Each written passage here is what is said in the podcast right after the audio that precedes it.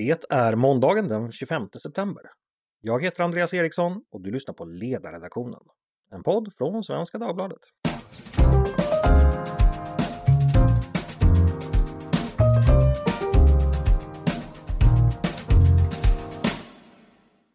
Varmt välkomna till oss. Varmt välkomna till ännu en vecka med oss på Ledarredaktionen. Hoppas ni haft en bra helg.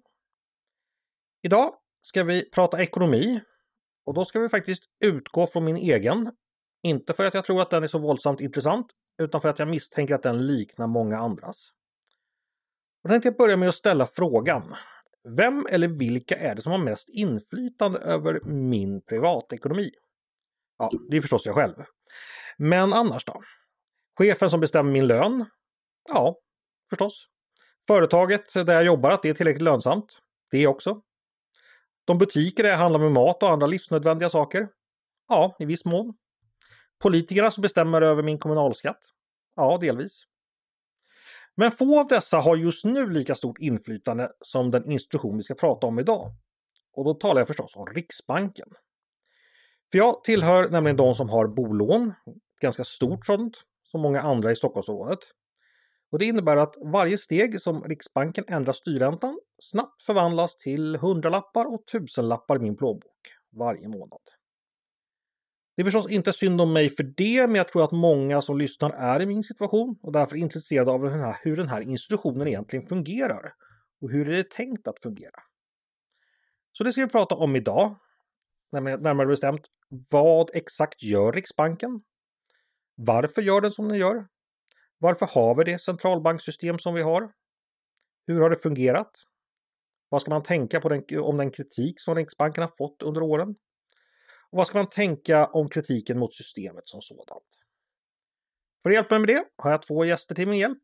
Den första heter Elinor Odeberg, chefsekonom på tankesmedjan Argana Idé, tidigare polsak på Finansdepartementet och aktuell med boken Dyrtider, så bekämpar vi inflationen. Varmt välkommen hit Elinor! Tack så jättemycket! Också Andreas Berg, eh, docent i nationalekonomi, välfärdsforskare vid Lunds universitet och vid IFN. Välkommen du också Andreas. Tack så jättemycket. Eh, jag tänkte ni ska börja med att hjälpa mig med lite mer fakta på bordet för att eh, jag inser att jag inte är så kunnig om Riksbanken som jag borde vara. Ni ska få hjälpa mig att reda ut historien. Den är lång för Riksbanken anses vara världens äldsta centralbank och räknar sin historia tillbaka till 1600-talet. Riktigt så långt tillbaka ska vi inte vi gå, men, men Elinor, kan du berätta för mig lite om hur det gick till när Riksbanken eh, fick sin nuvarande ställning och sitt uppdrag? Eh, ja, hur, hur, ser historien ut här, kortfattat? Men kort, det kom ju sig av att eh, Sverige faktiskt var det första landet i Europa på sent 1600-tal att eh, försöka trycka sedlar eh, och eh, det här ledde så småningom till en bankkris. Man tryckte lite för många sedlar, man eh, tappade förtroende för de här sedlarnas värde. Folk rusade till banken och försökte få ut då sina kopparmynt som var det som egentligen var säkerhet för sedlarna från början. Och den här banken kraschade när valven tömdes. Och det, ur den här Stockholm Bankos spillror så fick vi då Riksens Ständers Bank, numera Riksbanken, 1668. Och de har faktiskt ända sedan dess haft ett uppdrag om prisstabilitet eh, i, i, sin, eh, i så att säga, sitt syfte. Då hette det att de skulle bibehålla det inländska myntet vid dess rätta och skäliga valör. Eh, och sen på de turerna har det varit, vi har haft eh, guldmyntfot till exempel under stor del, eller andra typer av metaller som då Riksbanken har ansvarat för att säkra och för att se till att vi inte hamnar i en sån här finanskris igen eller Eh, inflationskris där man tappar förtroendet för, för pengars värde. Och nu är ju för de flesta Riksens Bank då eh, känd som Riksbanken och eh, ur ett historiskt perspektiv så har de ju då de senaste 30 åren ungefär erhållit en ganska unik självständighet som myndighet eh, som andra myndigheter inte har eh, på samma sätt. Så de har ett instruktionsförbud från politiken och det har man inte haft eh, tidigare utan politiken har också kunnat använda Riksbanken för, för sina syften. Eh, på 1700-talet inte minst så var ju krig ett sådant syfte så att man har ju en del negativa erfarenheter av politisk styrning av Riksbanken eh, som ju samtidigt kanske inte är helt applicerbara på dagens eh, demokrati, demokratiska Sverige, då vi inte längre har en enväldig kung som kan styra och ställa, utan vi har faktiskt eh, allmänna val vart fjärde år och så vidare. Just det. Tack för den historieskrivningen. Eh, hoppar över till, till Andreas. Som Elinor säger så är det ju då i, för ungefär 30 år sedan på 1990-talet så händer en hel del saker med Riksbanken där då så att säga, den nuvarande statusen mejslas ut. Vad är det som händer då? Vad, vad är det man bestämmer då och varför? Det man bestämmer då är att Riksbanken ska vara självständig och fristående från politiken och har i uppgift att endast värna penningvärdet genom att få ner inflationen. Och bakgrunden till det är att man vill undvika den situation som hade plågat Sverige och för den delen många andra länder i västvärlden under 70 och 80-talet. Nämligen att inflation och löner eldar på varandra i en spiral som ingen egentligen vinner på på lång sikt. Men där det fanns en frestelse för en politiskt påverkbar centralbank och en regering som vill få ekonomin att se bra ut precis månaderna före ett val. En frestelse att kanske elda på ekonomin med lite lägre räntor så att just då ser ut att gå bra, men på lång sikt eh, endast skapa inflation. Och det var så att säga det här problemet som man försökte lösa genom att skapa en från politiken fristående eller självständig riksbank. Men hur funkar det tidigare? Den här styrräntan som då, då Riksbanken sätter idag och anses avgörande. Var det politikerna som satte det, den förr i tiden eller ringde de upp Riksbanken och sa att vi önskar den här räntan? Hur, hur funkar det? Jag, jag, jag vet inte det. Jag Nej, men det fanns eh, en annan typ av, av samordning ändå får man säga mellan finans och penningpolitik. Det var till exempel kutym att statssekreteraren för finansministern också var ordförande i Riksbanksfullmäktige och liknande. Och på 70-talet till exempel så byggde vi ju en miljon bostäder genom att också på politisk väg hålla räntorna låga. Så man hade ett, en möjlighet ändå från politikens sida att också inkorporera de penningpolitiska instrumenten i samhällsviktiga mål. Som till exempel då på den tiden värdesattes ju bostadsbyggandet väldigt högt. Man ville bygga bort den trångboddhet som eh, plågade Sverige då. Eh, man byggde också vattenledningar, man byggde broar eh, för, eh, genom att hålla eh, räntan låg och med offensiv finanspolitik. Så att man gjorde ju väldigt många stora investeringar på den på den tiden som jag tror att en del är ganska tacksamma för att vi gjorde idag när vi har ett ganska stort underhållsbehov och underinvesterat järnvägsnät eh, och eh, inte minst stor brist på, på billiga hyresrätter och, och liknande. Ehm, men en annan sak, för att få komplettera det som Andreas säger, en del av varför Riksbanken blev självständig och den allmänna trenden på 90-talet med självständiga centralbanker handlade ju också om euron. Men det var väldigt svårt att få ihop en en demokratisk penningpolitik med liksom 20 olika medlemsländer som ska dela på en valuta. Och det här är ju den allmänna kritiken mot EU som institution överhuvudtaget, att det finns ett, ett glapp, eh, ett demokratiskt underskott. Och eh, i EMU-frågan så är ju det kanske extra stort, att man var helt enkelt tvungen av effektivitetsskäl att expertifiera ekonomisk politik och inte minst Eh, penningpolitik. Eh, när jag började skriva på den här boken tänkte jag nu kommer jag hitta det här berget av empiri och forskning som stödjer centralbanksoberoende och varför det är det bästa möjliga sättet att styra penningpolitik på. Men det verkar framför allt vara av effektivitetsskäl eh, snarare än att det skulle bli så mycket bättre beslut av att man har den här självständigheten. Andreas, delar du den bilden att ni nationalekonomer sitter inte på ett empiriskt berg här när, när, när så att säga, den här tankarna blev populära på 90-talet? Är det riktigt? Ja, men man får göra så gott man kan med den lilla kulla av empiri som ändå finns. Och det är ju helt riktigt, eh, som Elinor beskriver, att man eh, tog på demokratin en, en, en tvångströja här. Men det är ju inte nödvändigtvis eh, unikt för riksbanker eller centralbanker eller nödvändigtvis ett problem alltid. Vi har till exempel domstolar som vi vill ska vara fristående så att man har en tydlig arbetsdelning där politiker stiftar lagar och domstolar tolkar och dömer. Och på samma sätt så vill man här eh, skapa trovärdighet i att inflationen skulle vara låg eftersom man tänkte att facken då skulle kunna kräva låga löneökningar och att företagen då skulle få låga kostnader så att man faktiskt kunde ta sig ur den där löneinflationsspiralen. Och det får man väl ändå säga funkade därför att inflationsförväntningarna gick ner, löneökningarna blev i balans med produktivitetsökningen. Och mellan 75 och 95 så hade vi i siffror räknat jättestora löneökningar men inflationen åt, åt upp allting. Och efter 95 så har löneökningarna varit mindre i siffror men det har varit reala löneökningar. Så att jag skulle säga att politikomläggningen bidrog till att få ner inflationen och få upp reallönerna.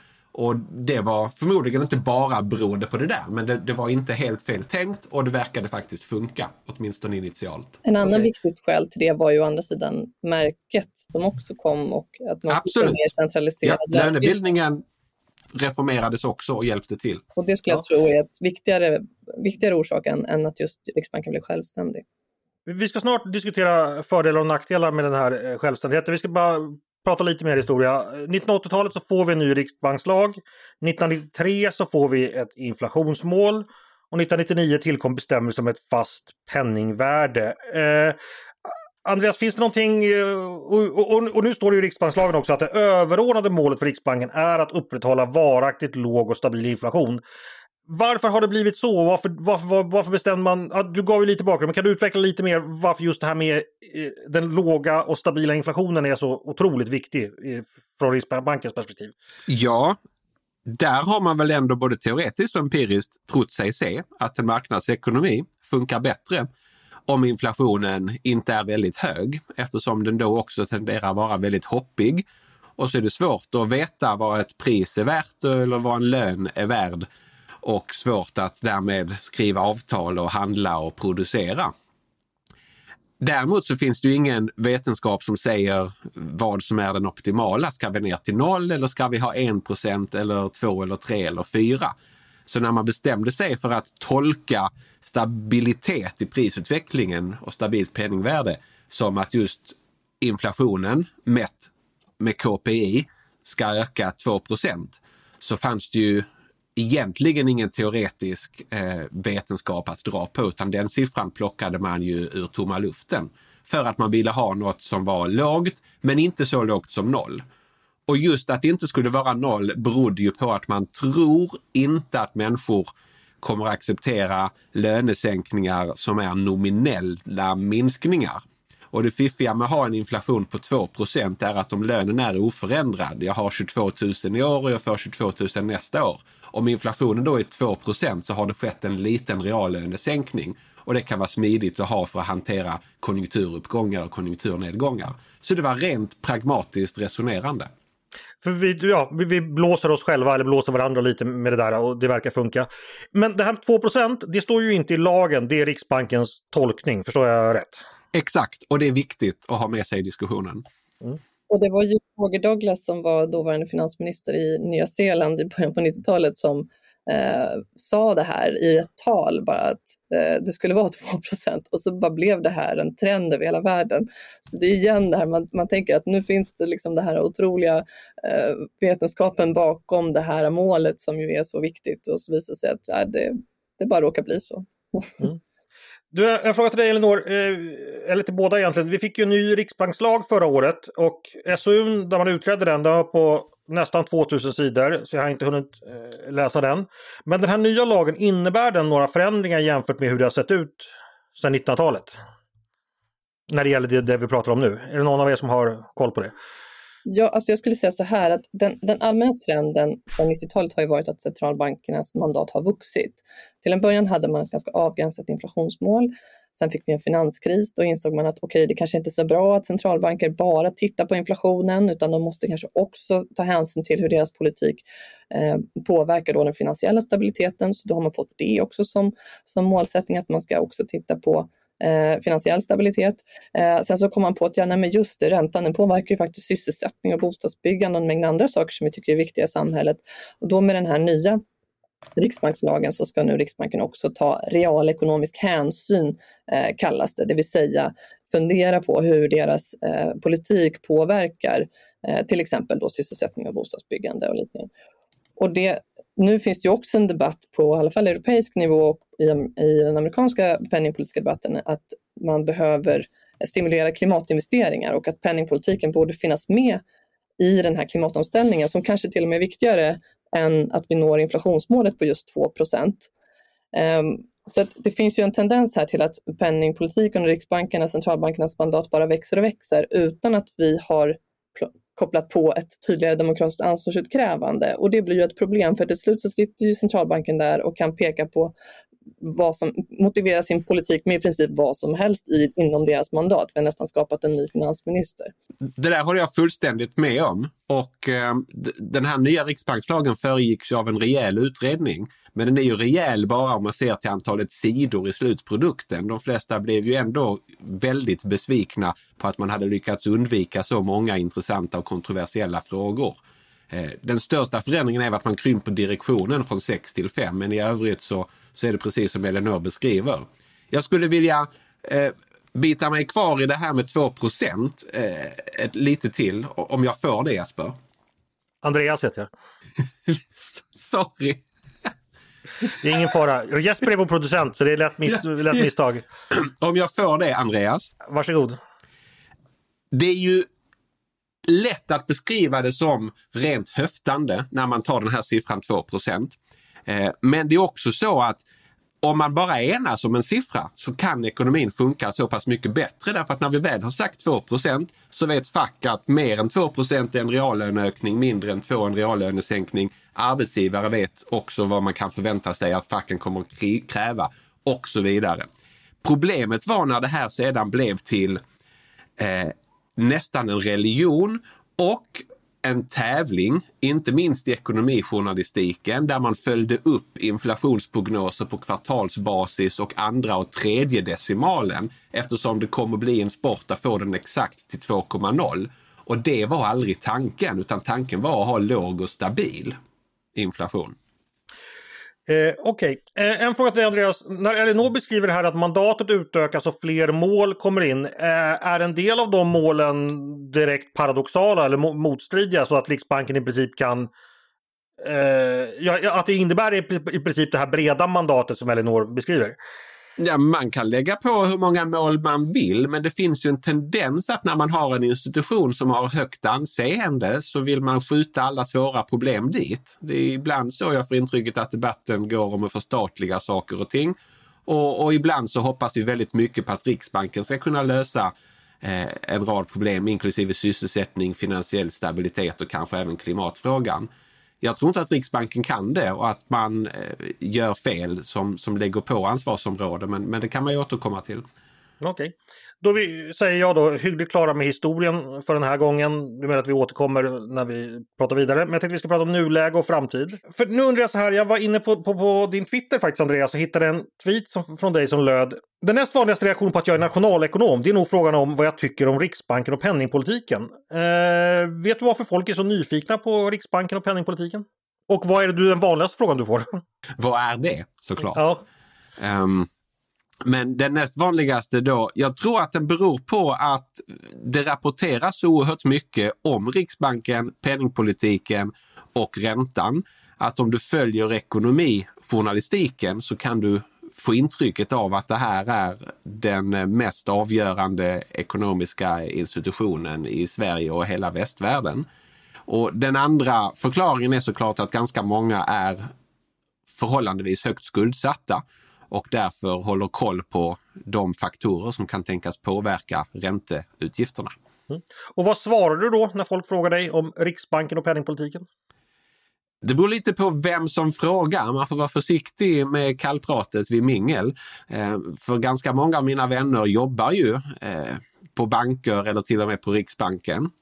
Men eftersom jag eh, är ett socialt salt och inte alltid helt smidig så brukar jag säga vad jag tycker, nämligen att de har en alldeles för uppburen position och att de har misslyckats med att um, egentligen inte misslyckats. Vi tror att de är mycket mäktigare än vad de är, mm. brukar jag säga. Det är en vanlig vanföreställning. Du ska få utveckla det där snart. Eh, Elinor, om du får samma övergripande fråga. Vad tycker du om Riksbanken och penningpolitiken? Vad skulle du svara då? Nej, men jag ska säga så här, jag, jag trodde, nu, idag kom, när vi spelar in så kommer min bok i, i handen och jag var lite stressad över att eh, även om jag tycker att det jag skriver är, håller för, för flera år framåt, att själva ämnet skulle ha förlorat i relevans, inflationen på väg ner, räntehöjningarna kanske skulle ha avstannat Eh, och istället så har vi igen då en situation där eh, räntebanan har justerats upp och förlängts och vi väntar oss ytterligare höjningar trots att eh, inflationen i både Sverige och omvärlden ändå tydligt är på väg ner och väldigt tydligt orsakad av utbudsstörningar i samband med kriget, pandemin och också faktiskt ehm, ett påslag, omotiverat påslag från en hel del företag. Det är därför den här psykologin bakom inflationsmålet, jag delar det Andreas säger här om att har man väl enats om 2% så är det bra om det är det alla tror på så att säga och att det också blir ett ankare för prisutvecklingen. För när företag börjar tänka att eh, kostnaderna kommer öka, då kommer de vilja också passa på att vara först på att faktiskt höja sina priser så man inte går med några förluster. Så därför är ju det här förtroendet för målet otroligt viktigt. Eh, och där kan ju centralbanksoberoende vara om alla tror att det är det som behövs så blir det liksom en självuppfyllande profetia. Det här blir lite liksom snurrigt när man försöker både prata om konkret policy, vad som skulle behövas, och sen att hjärnspökena är minst lika viktiga eh, hos folk. Men jag har ju, har ju varit väldigt kritisk till eh, de här räntehöjningarna och inte minst den penningpolitik som har varit under tiden inflationen var låg. Mm. Därför att eh, då, det var ju det som var problemet för ett och ett halvt år sedan, får vi inte glömma, där man har försökt pressa på dem med minusränta, med bostadsobligationsköp, med att aktivt försöka försvaga kronan, vilket vi får betala ganska dyrt för nu. Eh, och det har ju skapat enorma förmögenhetsklyftor i samhället, där det är i princip mest avgörande för, för din inkomst är när du kommer in på bostadsmarknaden.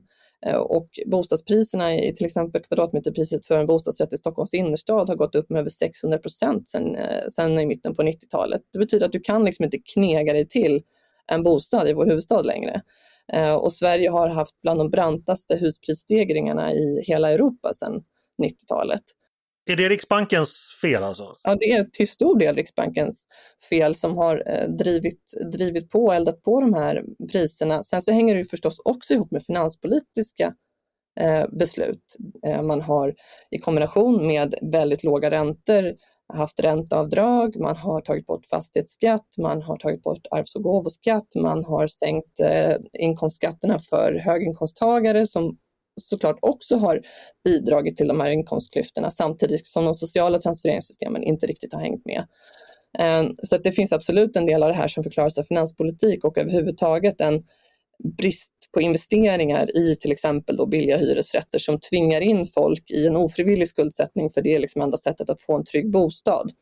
Mm. Så sen nu när Riksbanken ska vända 180 grader och höja räntorna och försöka eh, få ner efterfrågan med ett platt instrument som räntan ändå är, då måste du höja räntan väldigt, väldigt mycket för att få vissa hushåll att sluta käka ute sju dagar i veckan. Och på vägen dit så är det många högt belånade barnfamiljer som inte kommer kunna ha råd att bo kvar.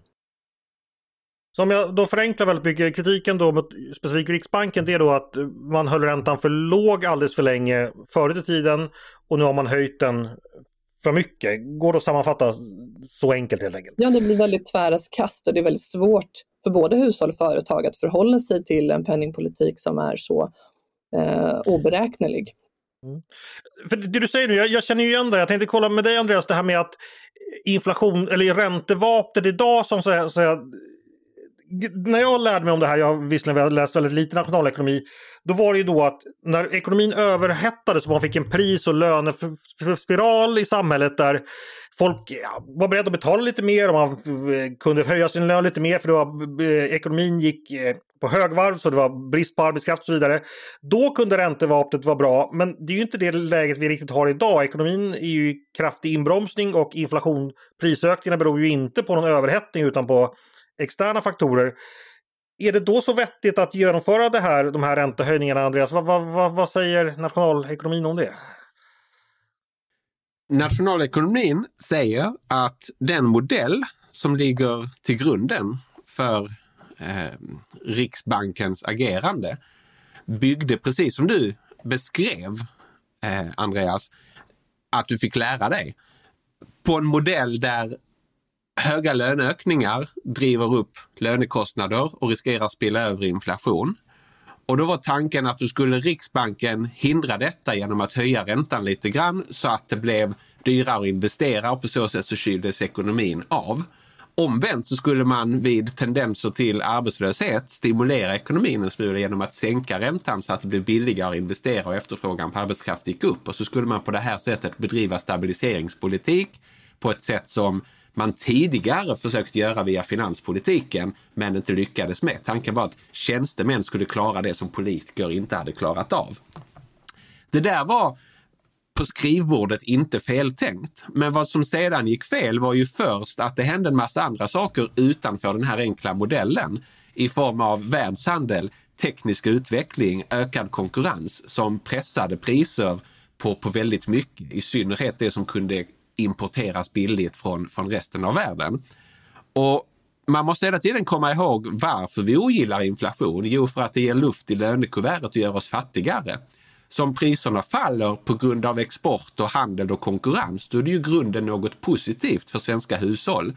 Men det sågs som ett problem därför att inflationen var lägre än de här 2,0 procenten. Och då användes då som skäl för att sänka räntan och sänka räntan ännu mer och sedan till slut faktiskt ha negativ styrränta. Allt i hopp om att få upp inflationen till 2% Och det var ju problematiskt eftersom det, det kryddade på penningpolitiken något kopiöst. Samtidigt som man aldrig såklart kunde komma åt de globala megatrender som orsakade prisfallen. Det har ju med Kinas beteende att göra och, och, och internet och ny teknik.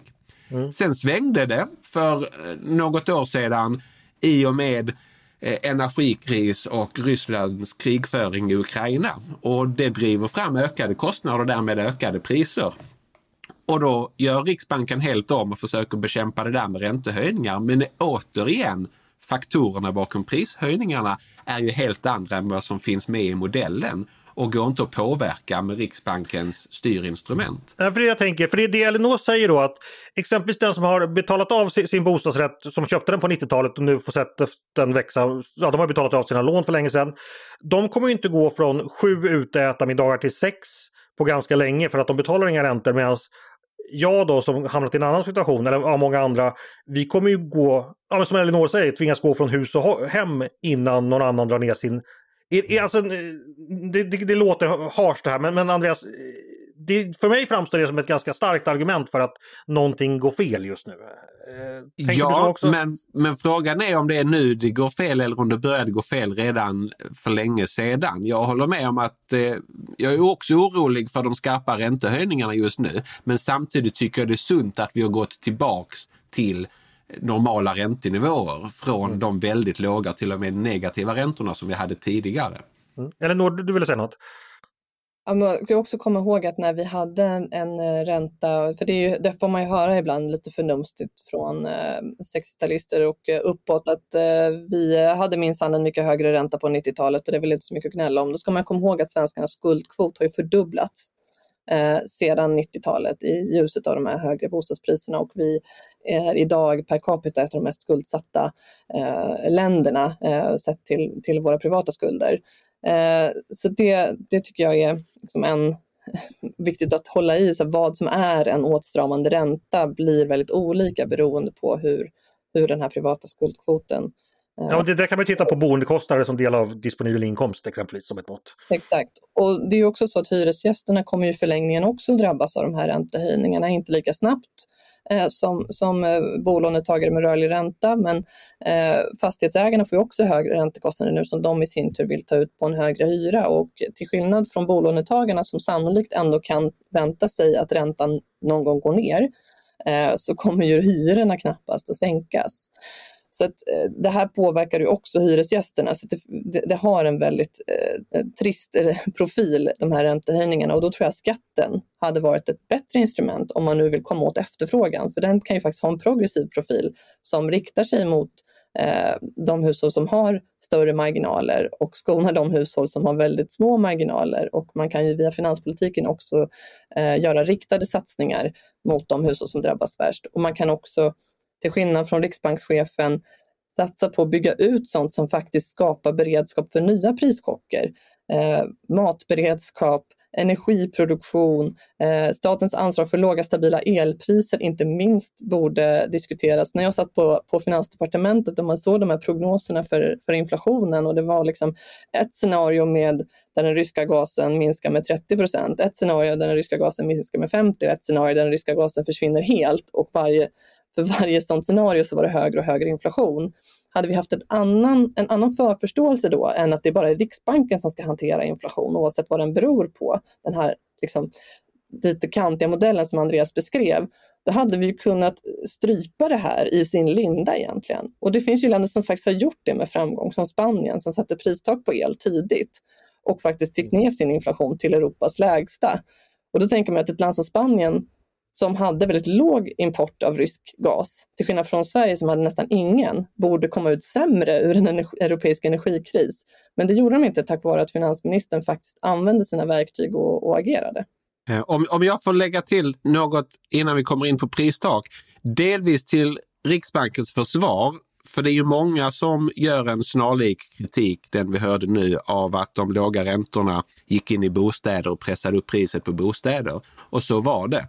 Men sannolikt så skulle ju priset på bostadsrätter i våra centrala storstäder ha ökat ganska rejält eftersom det är begränsat utrymme och begränsat byggande och en pågående urbanisering. Eh, dessutom så har vi ju en dysfunktionell hyresmarknad som gör att enda sättet att få en lägenhet centralt i en storstad eller universitetsstad i princip är att köpa. Så att Riksbanken kan inte skyllas Eh, för hela den här prisuppgången och därmed förmögenhetsöverföringen till de som har varit insiders på bostadsmarknaden. Och det håller jag med om, att bostadsbristen spelar in i det här och sannolikt eftersom att bostadsbyggandet nu också stannar av helt ehm, i och med de här högre räntorna så kommer vi ju eh, få lida av ännu högre bostadsbrist framöver. Så det är klart att de där två sakerna hänger ihop och finanspolitiken har ett ansvar för det, eh, inte minst. Men jag tror det får, det får nästan bli ett nytt poddavsnitt. Det får bli det. det. det. finns tio nya poddavsnitt här hör jag. Eh, jag tänkte vi bara ska återgå till dagens ämne, Riksbanken och, och dess ställning. Och vi bara ska landa där någonstans. Eh, Elinor, ja du har ju antytt redan, men jag ska ställa frågan rakt ut. Bör Riksbankens ställning omvärderas eller göras om? Och i så fall hur och varför? Ja, absolut. Man har på ett omotiverat sätt expertifierat eh, penningpolitik och försökt liksom eh, och, det, det, är ju ett sätt att, att uh, slippa de här konflikterna politiskt. Men penningpolitiken blir inte mindre politisk för att man lägger det på en oberoende institution. Det blir bara svårare att få syn på de här värdekonflikterna. Uh, och uh, jag tycker att instruktionsförbudet som ett minimum borde utvärderas. Har det gagnat ehm, samhälls, den samhällsekonomiska utvecklingen? Eh, hur, hur skapar man ett, ett rimligt ansvarsutkrävande för, för Riksbankens beslut eh, med, ett, med ett exakt ex, instruktionsförbud? Ehm, och det finns ju flera modeller att, så att säga, öppna upp eh, för mer dialog mellan Riksbanken och eh, Finansdepartementet. När jag jobbade där så tyckte jag att det var eh, väldigt märkligt att det liksom inte förs någon som helst dialog. Alla förstod att prisökningarna skulle bli den stora frågan i valrörelsen. Det är den som fort, det som fortfarande angår de allra flesta svenskar är ju hur man ska klara sina kostnader i ljuset av den här höga inflationen och räntehöjningarna. Och då vänder man ju sig till politikerna och liksom med andra samhällsproblem till politikerna med krav på svar och på åtgärder. Om då politikerna är helt passiva och istället pekar på teknokrater på Riksbanken så, så får vi en liksom skadlig diskrepans här och min oro är ju att drar man det där för långt i kombination med att Riksbankens mandat också har vuxit väldigt mycket, då får vi en populistisk backlash istället. Så jag mm. tror att nu är vi i någon slags brytpunkt där man borde öppna upp för dialog så att vi får en bättre policymix mellan Eh, Riksbanken och Finansdepartementet. Nu har vi till exempel ett läge där finansministern sänker skatter samtidigt som riksbankschefen försöker strama åt med högre räntor. Inte jättebra kombination. Precis som när vi tidigare, eh, när vi hade en väldigt låg inflation och ville få upp efterfrågan i ekonomin, eh, hade en, en riksbank som brassade på med minusräntor och obligationsköp och dylikt samtidigt som finansministern höll på och betade av underskott och gjorde liksom krona för krona budgetar. Eh, här skulle man ju behöva någon form av övergripande makrotillsyn så att finans och penningpolitik faktiskt drar åt samma håll. Andreas, samma fråga till dig. Bör Riksbankens ställning omregleras och i så fall hur och varför? Ja, det är nästan ordagrant vad jag skrev i Ekonomisk debatt för ett halvår sedan eller något sådant och det i sin tur byggde på ett blogginlägg. Jag tycker att det är egentligen mest vi andra som gör fel. Riksbanken gör så gott den kan.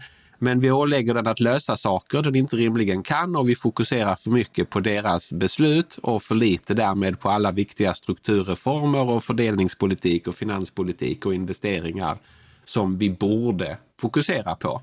Ehm, samtidigt så tycker jag att det sätt på vilket vi har riggat Riksbanken är eh, helt felaktigt. Om du ser till bara lönenivåerna så har Riksbankens direktion bättre betalt än eh, finansministern till exempel.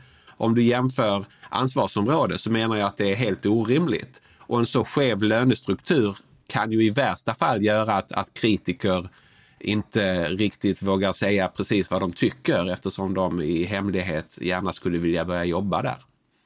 Mm, Okej, okay. ja. Eh... Jag läste din artikel inför det här poddavsnittet. Jag hade gärna läst den innan, under bokprocessen. Men nu är det roligt att vi landar i lite slutsats. Eh, men Andreas, eh, eh, en, fråga då från en liberal till en annan. Min ryggmärgsreflex det är ofta att försvara 90-talsreformer. För jag har fått lära mig att de byggde på väldigt konkreta och negativa erfarenheter från 70 och 80-talet. Att de har visat sig kloka under de här 30 åren de har varit i tjänst. Och att de har tjänat oss väldigt väl. Eh, lurar mig med min reflex här i det här fallet när det gäller Riksbanken? Nej, så är det inte, men världen utvecklas ju så att nu behöver vi lösa nya problem. Min kollega, min Lunda-kollega Lars Jonung uttryckte det väl i en ESO-rapport en gång med backspegel som kompass. Det vill säga reformer tillkommer ju alltid för att lösa det senaste problemet som vi har upplevt. Och eh, de här 90-talsreformerna ska ses i ljuset. Då var Sverige hämmat av bristande eh, stabilitet, dåligt fungerande löneutveckling, eh, hög ehm, och hoppande inflation. Och därför lade vi om makropolitiken. Men nu har vi ju andra utmaningar, eh, inklusive då energiutmaningen. Av det skälet tror jag att en prisreglering vore helt fel väg att gå. Skälet till att energi är dyr nu är att det är ont om den och det är svårt att producera den. Och det vill vi ska synas så att det lönar sig att, att producera ny och stabil och förhoppningsvis klimatvänlig elektricitet. Men ska det verkligen synas i form av att man eh, som eh, villa i södra Sverige får en elräkning på 12 000 i månaden? Så jag tänker, det går ju att skapa incitament för effektivisering utan att... Hörrni, hörni, vi, vi, ska inte prata, vi ska inte prata pristak i energimarknaden nu. Eh, eh, bara så här, ni verkar ju överens om att någonting ska göras så att säga. Kan man inte tänka sig att inflationen eh, lägger sig ganska snabbt nu och att Riksbanken kan sänka räntorna igen och vi kan rulla på som tidigare? Är det ett alternativ som ni, som ni båda utesluter att det kommer inte ske? Det är bara jag som drömmer mina höga bostadslån som drömmer om någonting som inte kommer ske. Det, det, kan mycket väl ske, men det är inte det som är målet. Målet är att lösa de, de faktiska utmaningar vi står för. Och och även om vi inte ska tala om dem nu så, så finns de och de pockar på uppmärksamhet och då är det fördelningspolitik och klimatpolitik och strukturreformer och hyresmarknad och allt annat. Eh, och det kommer inte lösas bara för att inflationen så småningom stabiliserar sig på en lagom nivå. Jag tror att man måste se vad är det som faktiskt händer i ekonomin. Om, om vi har en energikris i Europa, då är det inte svenska boräntor som liksom ska höjas upp eller ner, eh, utan då måste man angripa eh, elpriset och energiproduktionen och de, de frågorna. Om det i nästa scenario är en klimatkris som gör att vi får missväxt och kraftigt ökade matkostnader, eh, då är det det som man måste agera på och så vidare. Och här, jag kan ju ha en from förhoppning om att, eh, och det, det ser vi ju ut som att vi också går mot, att den här chocken som kriget i Ukraina och delvis också pandemin innebar för ekonomin att den börjar liksom lägga sig nu och att vi får liksom mer stabila priser framöver. Men vi har ju andra risker för prisbilden framåt. Eh, vi väljer ju till exempel att gå med i NATO för att vi upplever en höjd geopolitisk risk som ett exempel. Eh, och hur det gick för den ukrainska inflationen när de blev invaderade av Ryssland ska vi liksom inte ens prata om. Så det finns ju risker här framåt och då tror jag att så här, då måste man fråga sig vad skapar beredskap framgent? Vad är det för investeringar vi behöver för att vara mer motståndskraftiga för en ny prischock. Inte bara prata om att hushållen måste bli bättre på att pruta, för det kommer inte att lösa inflationen framåt. Jag tror man måste också fråga sig om penningpolitiken under de här åren av ex väldigt expansiva åtgärder inte lyckades få upp inflationen. Varför skulle de då lyckas med att få ner den? Mm. Hörrni, eh, vi ska ta och runda, upp, runda av här. Jag ska bara säga då att vill man förkovra sig ytterligare, eh, Elinor, man kan läsa din bok. Akt, eh, den heter Dyretider så bekämpar vi inflationen. Finns att köpa där böcker säljs antar jag. Yes. Och Andreas, du hade då skrivit, eh, ja du har ju en blogg man kan gå in och läsa, Andreas Berg kan man googla på. Och så hade du också skrivit i eh, Ekonomisk, Ekonomisk debatt. debatt om Ja. detta. Ja. Precis, så kan man läsa mer om detta. Eh, men vi hinner inte riktigt mer idag så jag får passa på och säga tack både till eh, Andreas Berg och Elinor Odeberg för att ni gästade mig idag. Tack så mycket! Tack. Tack. Och stort tack också till er som har lyssnat på dagens avsnitt av Ledarredaktionen. En podd från Svenska Dagbladet. Ni är varmt välkomna att höra av er till redaktionen med tankar och synpunkter på det vi precis diskuterat. Kanske har ni något pruttips till mig och mitt bolån. Eller om ni har idéer och förslag på vad vi ska ta upp i framtiden. Det är bara att mejla till ledarsidan snabla svd.se. Dagens producent, han heter Jesper Sandström. Själv heter jag Andreas Eriksson och jag hoppas att vi hörs igen snart.